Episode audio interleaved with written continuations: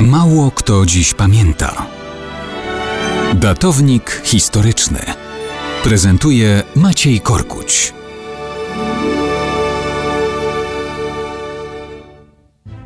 Dzisiaj Narodowy Dzień Pamięci o żołnierzach, którzy kontynuowali walkę o niepodległość po obu stronach narzuconej Polsce nowej granicy wschodniej.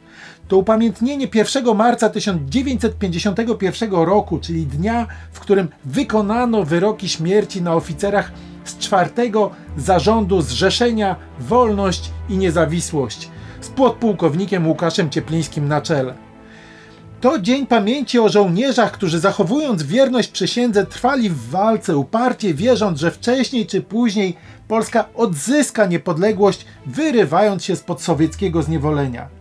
Tymczasem żołnierze ci rozbijali więzienia, uwalniali aresztowanych, wymierzali sprawiedliwość komunistycznym oprawcom i zdrajcom.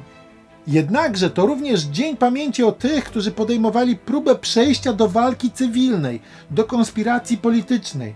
Tak było w założeniach wspomnianego Zrzeszenia Win, które starało się przetrwać okres największej sowieckiej potęgi bez wojny i dywersji, czekając na bardziej sprzyjający moment do czynnej walki zbrojnej.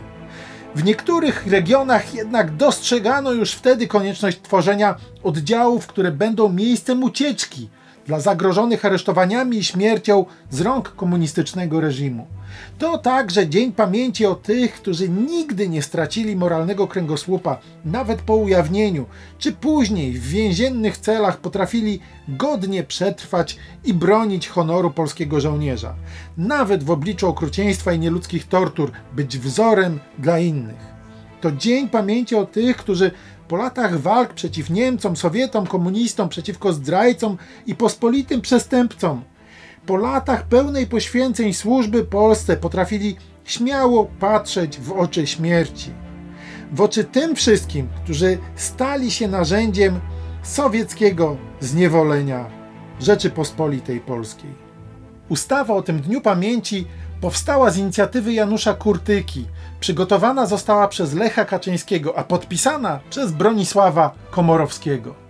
Warto więc, abyśmy potrafili ten dzień świętować absolutnie ponad podziałami z dnia dzisiejszego.